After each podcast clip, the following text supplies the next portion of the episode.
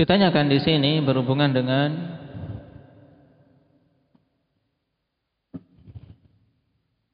perkara syahid yaitu orang yang mati syahid.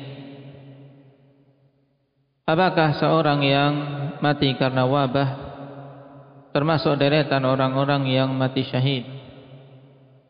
Juga pertanyaan yang semisal menyebutkan nah beberapa poin yang dihukumi dalam tulisan tersebut sebagai orang yang mati syahid apakah betul demikian?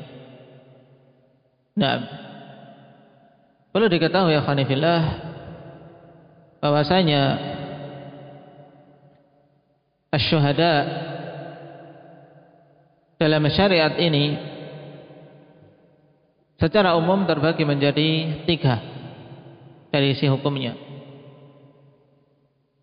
Ini untuk kita agar tidak bingung. Karena banyak Rasulullah sallallahu alaihi wasallam menyebutkan beberapa golongan yang mereka dihukumi syahid yang mati syahid. Nah, cuman hukumnya berbeda-beda terbagi menjadi tiga golongan. Yang pertama, nah, syahidun fit dunia wal akhirah yang mati syahid di dunia dan di akhirat. Nah, inilah derajat syuhada yang paling utama di mana dihukumi sebagai syuhada baik di dunia maupun di akhirat. Sehingga di dunia mereka tidak dimandikan, tidak dikafani, tidak disolati. Tapi dikubur dengan darah mereka dan pakaian mereka. Itulah mereka-mereka yang terbunuh dalam medan perang demi memperjuangkan agama Allah Subhanahu wa taala. Nah, man qatala litakuna kalimatullahi hiyal ulya fa huwa fi sabilillah. Dan pada mereka-mereka inilah datang keutamaan yang sangat banyak. Yang hendaknya kita memohon pada Allah Subhanahu wa taala ikhwan untuk bisa nah mencapainya walaupun tidak ditakdirkan untuk berperang di jalan Allah. Tapi yang penting seorang punya niatan dan berharap untuk bisa mati syahid. Sehingga ketika dia mati di atas firasnya, mati di atas pembaringannya tetap mendapatkan keutamaan itu. Kemudian yang kedua syahidun fit dunia, yang mati syahid di dunia saja. Di akhirat tidak. Nah ini mereka orang-orang yang mati dalam peperangan, tapi apa? Tapi niatannya riak. Seperti orang-orang munafik yang ikut dalam perang bersama kaum muslimin atau mereka yang berperang tapi apa demi sekedar membela kabilahnya atau demi sekedar ingin mendapatkan gelar pemberani atau pahlawan dan seterusnya. Nah, bukan untuk i'la kalimatillah meninggikan kalimat Allah, maka dia seandainya mati di medan perang dihukumi syahid di dunia saja. Secara zahirnya nah ikut tapi hakikatnya Allah Subhanahu wa taala yang tahu. Sehingga tidak mendapatkan keutamaan di akhirat bahkan termasuk deretan yang pertama kali dimasukkan ke dalam neraka. Nah, Taib. Sehingga di dunia tetap tidak disolati, tidak dimandikan, tidak dikafani. Nah, tapi apa? Di akhirat menunggu siksaan wal billah. Kemudian yang ketiga, nah ini yang nah banyak ditanyakan yaitu mereka-mereka yang syahidun fil akhirah, yang mati syahid tapi hukumnya mati syahid di akhirat saja. Maksudnya apa? mereka-mereka yang meninggal di dunia dan dalam kondisi baik nah, dan dihukumi mendapatkan keutamaan sebagai apa syuhada di akhirat di akhirat mendapatkan keutamaan syuhada tapi di dunia nah hukumnya sama seperti orang yang mati yang lain yaitu wajib untuk disolati nah atau sebelumnya urutkan apa wajib untuk dimandikan dikafani dan disolati. Nah itulah yang datang hadis yang banyak akhwanifillah menyebutkan tentang golongan-golongan yang syahid tersebut. Yang Rasul sallallahu alaihi wasallam memang mengisyaratkan tentang banyaknya golongan-golongan yang mati yang dihukumi syahid, akhwan. Taib. ketika Rasulullah sallallahu alaihi wasallam bertanya kepada para sahabat dalam hadis Jabir bin Atik. Naam. Rasulullah sallallahu alaihi wasallam bertanya kepada para sahabat ridwanullah alaihim, "Ma ta'udduna syahadah?" Apa yang kalian anggap, kalian perhitungkan sebagai suatu naam kematian mati syahid? Maka secara serentak para sahabat menjawab al-qatlu fi sabilillah. Nah, yaitu apa? Terbunuh di jalan Allah Subhanahu wa taala, jelas. Nah, terbunuh di jalan Allah itu merupakan kematian yang sangat utama. Nah, mati syahid. Cuman Rasulullah sallallahu alaihi wasallam khanifillah, nah tegaskan dalam hadis Abi Hurairah radhiyallahu anhu ketika menanyakan dengan pertanyaan yang sama, Rasulullah menimpali, "Na'am. Inna syuhada'a ummati idzan laqalil." Jika demikian orang-orang yang mati syahid dari kalangan umatku tentu sedikit saja berarti. Kalau yang mati syahid itu hanya orang-orang yang meninggal di medan perang. Kenapa? Karena peperangan itu, ikhwan, na'am, tentunya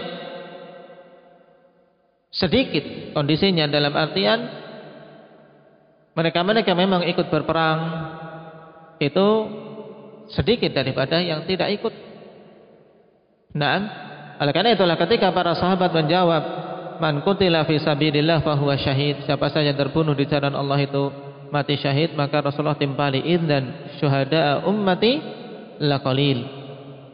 Nah, sedikit berarti menunjukkan di sini secara tersirat bahwasanya nah syuhada di kalangan umat beliau itu banyak golongannya. Nah, maka kemudian Nabi sallallahu alaihi wasallam sebutkan di antara apa? Orang-orang yang dihukumi mati syahid walaupun apa? Nah, di dunia tetap dihukumi seperti orang biasa tapi apa? mendapatkan keutamaan mati syahid nah di akhiratnya. Al-Habib Ibn Hajar rahimahullah ta'ala telah mengumpulkan dan meneliti dalil-dalil yang menegaskan tentang mereka-mereka yang mati dengan apa kematian yang baik dan dihukumi mendapatkan syahadah mendapatkan kematian mati syahid. Dalam Fathul Bari jilid 6 halaman 43 kalau ingin merujuk. Naam. Beliau mengatakan waqad ijtama'a lana fi asbabi syahadati min at-turuqil jayyidah akthar min ishrina khaslah. Telah terkumpul pada kami tentang sebab-sebab mati syahid dari apa? Jalan-jalan yang bagus. Yaitu riwayat-riwayat yang bagus. Nah lebih banyak daripada apa? 20 jenis 20 kondisi. Jadi ada sekitar 20 kondisi lebih akhwat ini berdasarkan penelitian dari Al-Hafidh Ibnu Hajar rahimahullah taala. Nah, Taib. Di antaranya yang terkumpul dalam nah, satu hadis yaitu jelas yang pertama dan paling utama alladzi yuqtalu fi sabilillah. Yang terbunuh di jalan Allah. Itu jelas. Yang kedua alladzi yamutu bimaradit taun. Yang meninggal karena sakit taun. Dan diikutkan dengannya nah mereka-mereka yang meninggal karena suatu wabah yang tersebar pada suatu kaum. Asalis al-mayyitu bida'in fil batan. Yaitu yang mati karena penyakit di perutnya. Dengan berbagai macam jenis penyakit perut ikhwan. Baik itu ishal karena mencret terus sampai meninggal atau karena hal-hal yang lain dari penyakit-penyakit perutnya. Kemudian Ar-Rabi Al-Gharik Orang yang tenggelam. Al-Khamis Al-Mayyit Tahta Al-Hadam Yang meninggal karena apa? Kena reruntuhan Tertimpa Baik itu tertimpa pohon ya Sedang duduk-duduk tiba-tiba pohonnya ambruk Atau temboknya ambruk mengenai dia Atau karena terjadi gempa sedang tidur tertimpa reruntuhan. Tayyib. Yang keenam al-mayyit bimaradi dzatil jam yaitu yang meninggal karena sakit zatil jam yaitu yang menimpa sebagian sisi tubuhnya. Jenis penyakit Naam yang ketujuh alladzi yamutu bil harik yaitu yang meninggal karena kebakaran terbakar. Naam masuk dalam api atau yang lainnya. Tabrakan kemudian kebakaran mobilnya dan seterusnya. Yang kedelapan Al-mar'ah tamutu fin nifas Yaitu wanita yang meninggal dalam nifasnya ketika melahirkan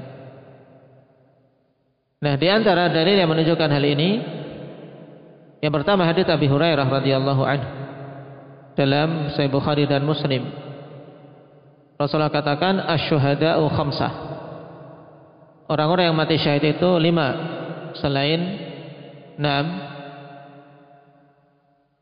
orang-orang yang mati syahid di medan peperangan. Al-mad'un yaitu yang mati karena penyakit taun. Al-mabtun karena penyakit perut. Wal gharik yang tenggelam, wa sahibul yang terkena reruntuhan. Kemudian disebutkan terakhir wasyahidu fi sabilillah yang mati syahid di jalan Allah karena saking jelasnya sehingga diakhirkan. Kemudian yang belum disebutkan dari delapan yang disebutkan tadi dalam hadis Jabir bin Atik dikeluarkan oleh Imam Malik juga Abu Dawud. Nah, Rasulullah mengatakan asyhadatu sab'un siwal qatl fi sabilillah. Kematian syahid itu tujuh selain kematian enam dalam berjuang di jalan Allah. Al-mad'un syahid wal gharik syahid wa sahibu dzatil jambi syahid. Nah, ini tambahannya. Orang yang terkena terkena penyakit datul jam. Wal mabtun syahid, terkena penyakit perut, lambung, ya. Orang-orang yang terkena penyakit perut lambungnya nah rusak atau yang lainnya. Nah, syahid. Wa sahibul harik syahid yang terbakar. Walladhi yamutu tahtal hadmi syahid wal mar'atu tamutu nabi jum'in syahid yaitu wanita yang meninggal bijum'in dengan sebab jum' para pensyarah hadis mengatakan maksudnya yaitu mati ketika melahirkan anaknya atau mati dalam kondisi di perutnya ada anaknya itu masuk itu mati karena proses melahirkan ini delapan disebutkan dalam dua hadis itu Kemudian yang kesembilan alladzi yuqtalu bisababi di'fa'ihi an haqqih. Yang terbunuh karena sebab membela haknya. Disebutkan dalam hadis Suwaid ibni Muqarrin dalam Sunan Nasa'i, "Man qutila duna madlamatihi fahuwa syahid." Nah, siapa saja yang terbunuh dalam membela dirinya dari kezaliman, dari hak yang dirampas, maka dia orang yang mati syahid. Yang ke-10 al-maktul fi difa'ihi an dini. Yang terbunuh karena membela agamanya. Ke-11 al-maktul fi difa'ihi an irdih. Yang terbunuh karena membela kehormatannya. Yang ke-12 al-maktul fi difa'ihi an nafsi dalam membela dirinya dia terbunuh dalam membela diri. Ada orang yang ingin membunuh dia, kemudian dia bela dirinya tapi terbunuh. Maka syahid. Kalau dia tidak salah ya kawan dalam keadaan dia memang orang yang hak ingin dibunuh oleh orang yang zalim kemudian dia membela dirinya. Yang ke-13 al-maktul fi difa'ihi an mali, seorang yang terbunuh dalam usaha membela hartanya karena ada perampok atau perampas kemudian dia berusaha mempertahankan hartanya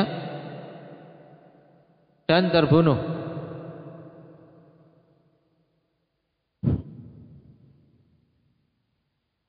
Taib. Disebutkan dalam hadis Sa'id bin Zaid radhiyallahu anhu dalam Sunan Abi Dawud secara tegas, "Man qutila duna malihi fahuwa syahid, wa man qutila duna dinihi fahuwa syahid, wa man qutila duna damihi fahuwa syahid." Paman kutila duna ahlihi fahuwa syahid. Ini deretan orang-orang yang mati syahid dalam hadis Sa'id bin Zaid sehingga melengkapi jumlah yang 13. Yang ke-14 Nam alladhi yamutu fi sabilillah jelas yang mati di jalan Allah. Naam. Dan di jalan Allah Subhanahu wa taala khanifillah luas termasuk mereka-mereka yang meninggal dalam usaha menuntut ilmu.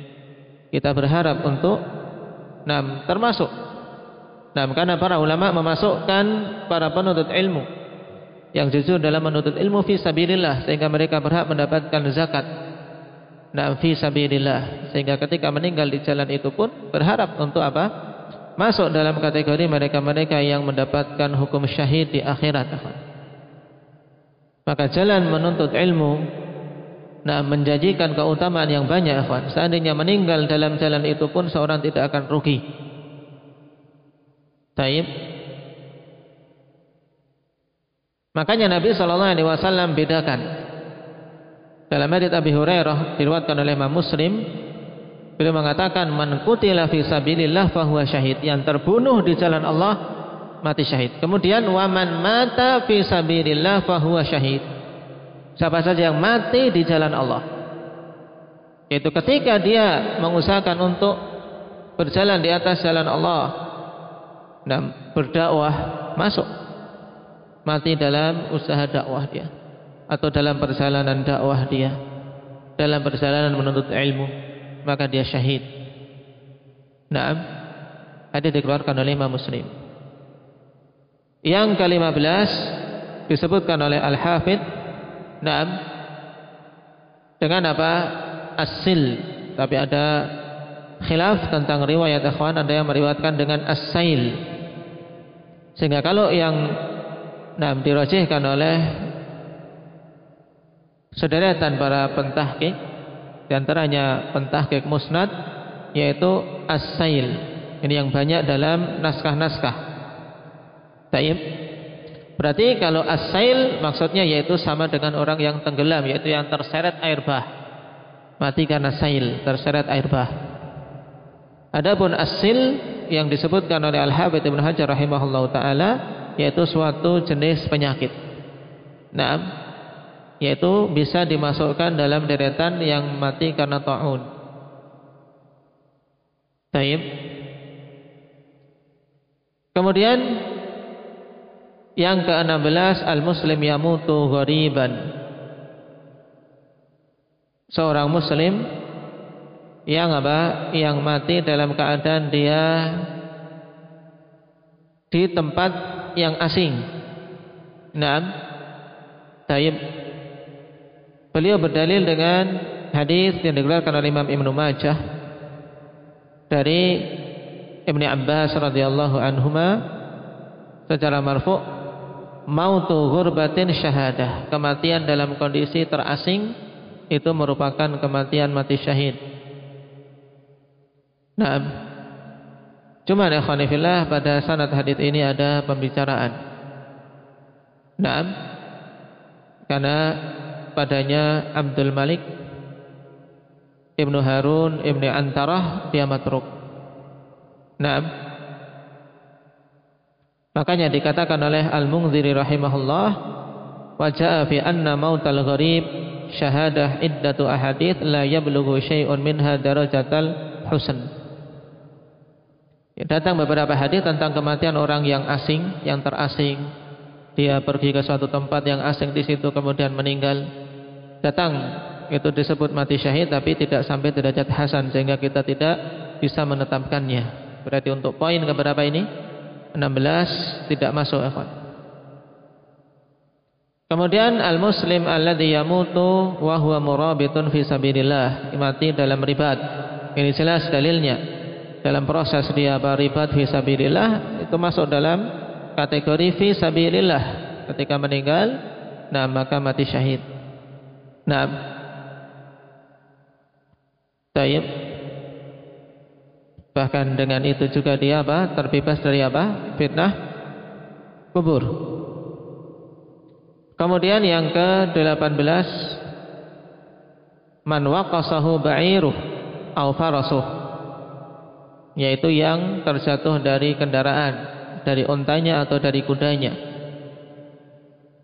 Kemudian man ladagathu hammah kal hayyah wal aqrab yaitu yang disengat oleh binatang berbisa. Nam seperti kalajengking atau ular.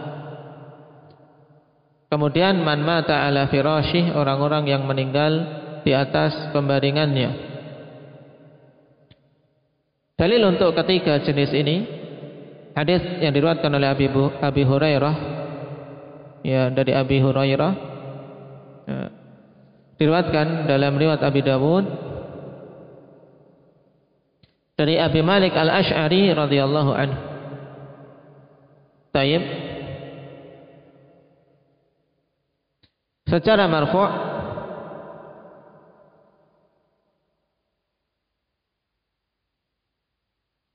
Ketika Rasulullah sallallahu alaihi wasallam menyebutkan orang yang mati syahid, nah man fasala fi sabilillah famata au qutila fahuwa syahid au waqasahu farasuh.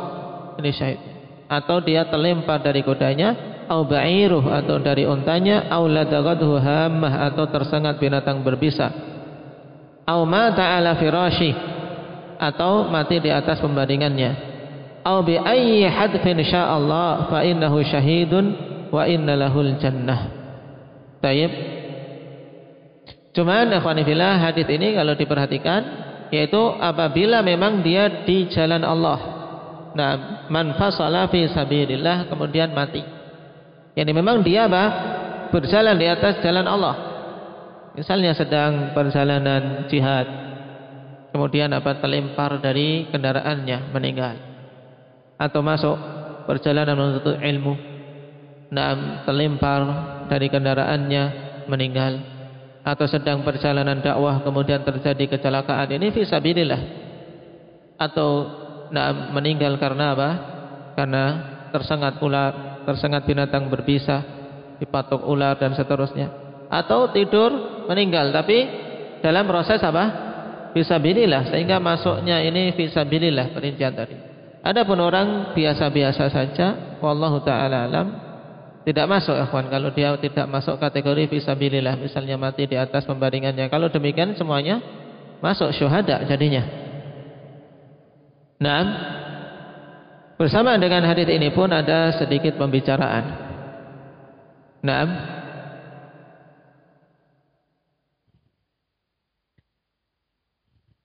Taib Dan juga yang mati di atas pembaringannya apabila ada qaid yaitu yang memang berharap-harap untuk mati syahid. Ini bisa. Makanya ini akhwan penting. Rasulullah sallallahu alaihi wasallam tegaskan man sa'alallaha syahadah bisidqin ballaghahu Allahu manazil syuhada wa in mata ala firashi. Siapa saja yang meminta kepada Allah kematian mati syahid secara jujur maka Allah akan sampaikan dia kepada kedudukan para syuhada walaupun mati di atas pembaringannya. Ini syaratnya. Naam. Tayyib.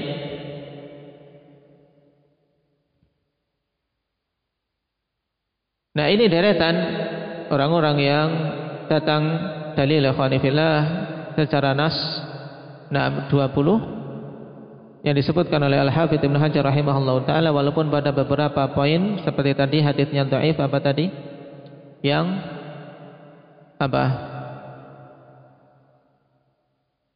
Hmm? Hurbah. Nah maut hurbah mati dalam kondisi dia keterasingan. Cuman kalau terasing fi sabilillah dalam usaha menempuh di jalan Allah dalam dakwah atau yang lainnya masuk semuanya berhubungan dengan fi sabilillah. Nah Hal penting yang perlu diketahui ini adalah bahwa syuhada yang fi hukmid dunia, fi hukmil akhirah. Jadi memiliki pahala besar, mendapatkan pahala enam syuhada. Cuma di dunia enam dihukumi seperti mayat-mayat yang lain selain apa yang meninggal di medan perang. Dan juga kita tidak diperbolehkan untuk mengklaim atau menetapkan bagi orang per orang. Kenapa? Karena Allah Subhanahu wa taala lah yang tahu hakikat mereka-mereka yang mati syahid Nah, kita hanya berharap. Nah, kita hanya berharap tidak boleh kita kemudian menegaskan bahwasanya fulan seorang apa yang syahid. Nah, kenapa? Karena kita tidak tahu niatannya. Bahkan yang meninggal di medan perang pun akhwan tidak boleh bagi kita tanpa adanya wahyu kemudian menetapkan apa? Dia sebagai orang yang mati syahid. Kenapa? Karena dohirnya perang bisa saja hatinya karena riak. Itu. Makanya hanya berharap saja. Apalagi hal-hal seperti misalnya yang meninggal karena melahirkan dan seterusnya ya kita berharap. Nah, karena dipersyaratkan untuk itu tentunya orang-orang yang berada di atas tauhid itu jelas untuk bisa meraih keutamaan tersebut ya dia meninggal di atas tauhid. Juga pada perjalanan misalnya yang tenggelam mati syahid. Nah, bagi mereka-mereka yang di atas tauhid juga perjalanannya perjalanan kepada ketaatan. Nah, tenggelam kapal pesiar memang niatannya untuk nah berbuat maksiat hanya sekedar melancong. Tidak bisa ikut dalam keutamaan tersebut. Nah, Tayyib, ini perlu dipahami dengan baik. Barakallahu fiikum nasallallahu taufiq wasadad. Nah, sengaja panjang lebar karena beberapa pertanyaan datang berhubungan dengan masalah ini semoga bisa nah, menjadi faedah bagi kita semua. Subhanakallahumma bihamdik asyhadu an la ilaha illa anta astaghfiruka wa atubu ilaik.